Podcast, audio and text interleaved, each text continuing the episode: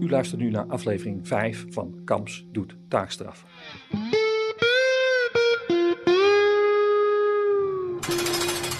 Troepsproject Apeldoorn, de werkmeester. De grootste werkstraf zit hem vandaag in de wekker. Hij loopt vrij vroeg af. Ik moet mij om kwart over zeven deze ochtend melden in Apeldoorn. Dicht bij het station word ik opgepikt door het busje van de reclassering. En vijf man zitten al klaar. Waar is Leroy? vraagt werkmeester Joop wanneer hij uit het busje stapt en de koppen telt. Niemand heeft werkelijk een idee. Aan wachten doet Joop niet. Tijd is tijd. We proppen onszelf in het busje. Radio 1 staat aan en wanneer de Beatles She Loves You zingen, gaat de knop naar rechts. Een lekker volume. En voor Leroy gaat hij weer zachter. Ja, je moet echt iets harder praten, uh, Leroy, moedigt Joop hem aan. Ik kan je, kan je zo niet verstaan. We stoppen voor een stoplicht en de forensen op weg naar hun werk kijken naar de tekst Reclassering Nederland. En ze kijken naar de bus. Vervolgens naar mij. Ik heb me wel eens beter gevoeld, kan ik u zeggen. Joop hangt op en Leroy is ziek. Dat is wel duidelijk. De aanpak. Je ziet hier bij de commando's van de reclassering, plakt Joop een stickertje op de groep. Hij zegt het zo hard dat de mannen het horen. Jongens worden hier mannen, roept hij. Rob, een 54-jarige ZZP'er, pakt de handschoen op. Als er straks koffie is, Joop, vind ik het best.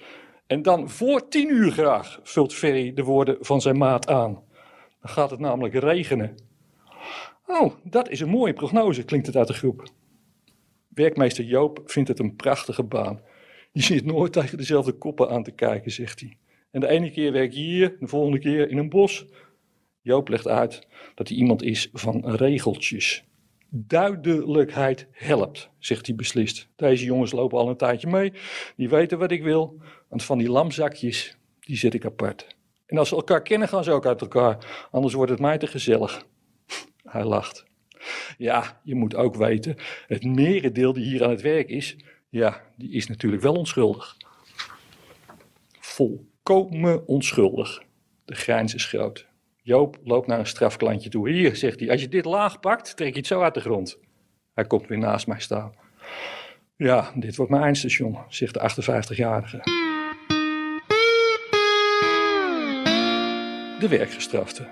Kevin is een man van 26 jaar, kort koppie, goed gebouwd. Mijn vrouw en ik zijn swingers, valt hij met de deur in huis. We gaan naar parenclubs toe. En we hebben ook een bedrijfje, we staan netjes ingeschreven bij de Kamer van Koophandel. Allemaal volkomen legaal. Tegen betaling nemen we dus mensen mee. Nu werd een paar jaar geleden een man opgepakt vanwege seksuele handelingen met minderjarigen. En hij lapte ons erbij. Mijn vrouw was toen namelijk nog minderjarig. Jongens, jongens, jongens. En toen in die rechtbank die officier maar schreeuwen dat het om dwang ging, om uitbuiting. Dat ze het daar zonder condoom moest doen. Anaal ook. Ja, doei. Dat was gewoon helemaal gelogen. Ze wilde het helemaal niet. Ja, ik heb haar ook gedwongen om met mij te trouwen. Nou goed, mijn advocaat zei dus ook, heeft u eigenlijk wel eens met zijn vrouw gesproken? Ja, niet dus hè. We stonden er gewoon samen achter. Dat is het hele verhaal. Ja, ik heb er 120 uur werkstraf voor gekregen en drie jaar voorwaardelijk. Ja, deze problemen wil ik niet meer. Dus ik vuur mijzelf nu als gigolo. En dat loopt goed, niks aan klagen. In een paar dagen verdien ik net zoveel als vroeger in een hele maand. Ja. ja, het is wel zo, dat wil ik dan wel toegeven. Je moet niet gauw ergens vies van zijn. Koffie, hoor ik Joop schreeuwen. Het is tien uur en de lucht is heerlijk helder blauw.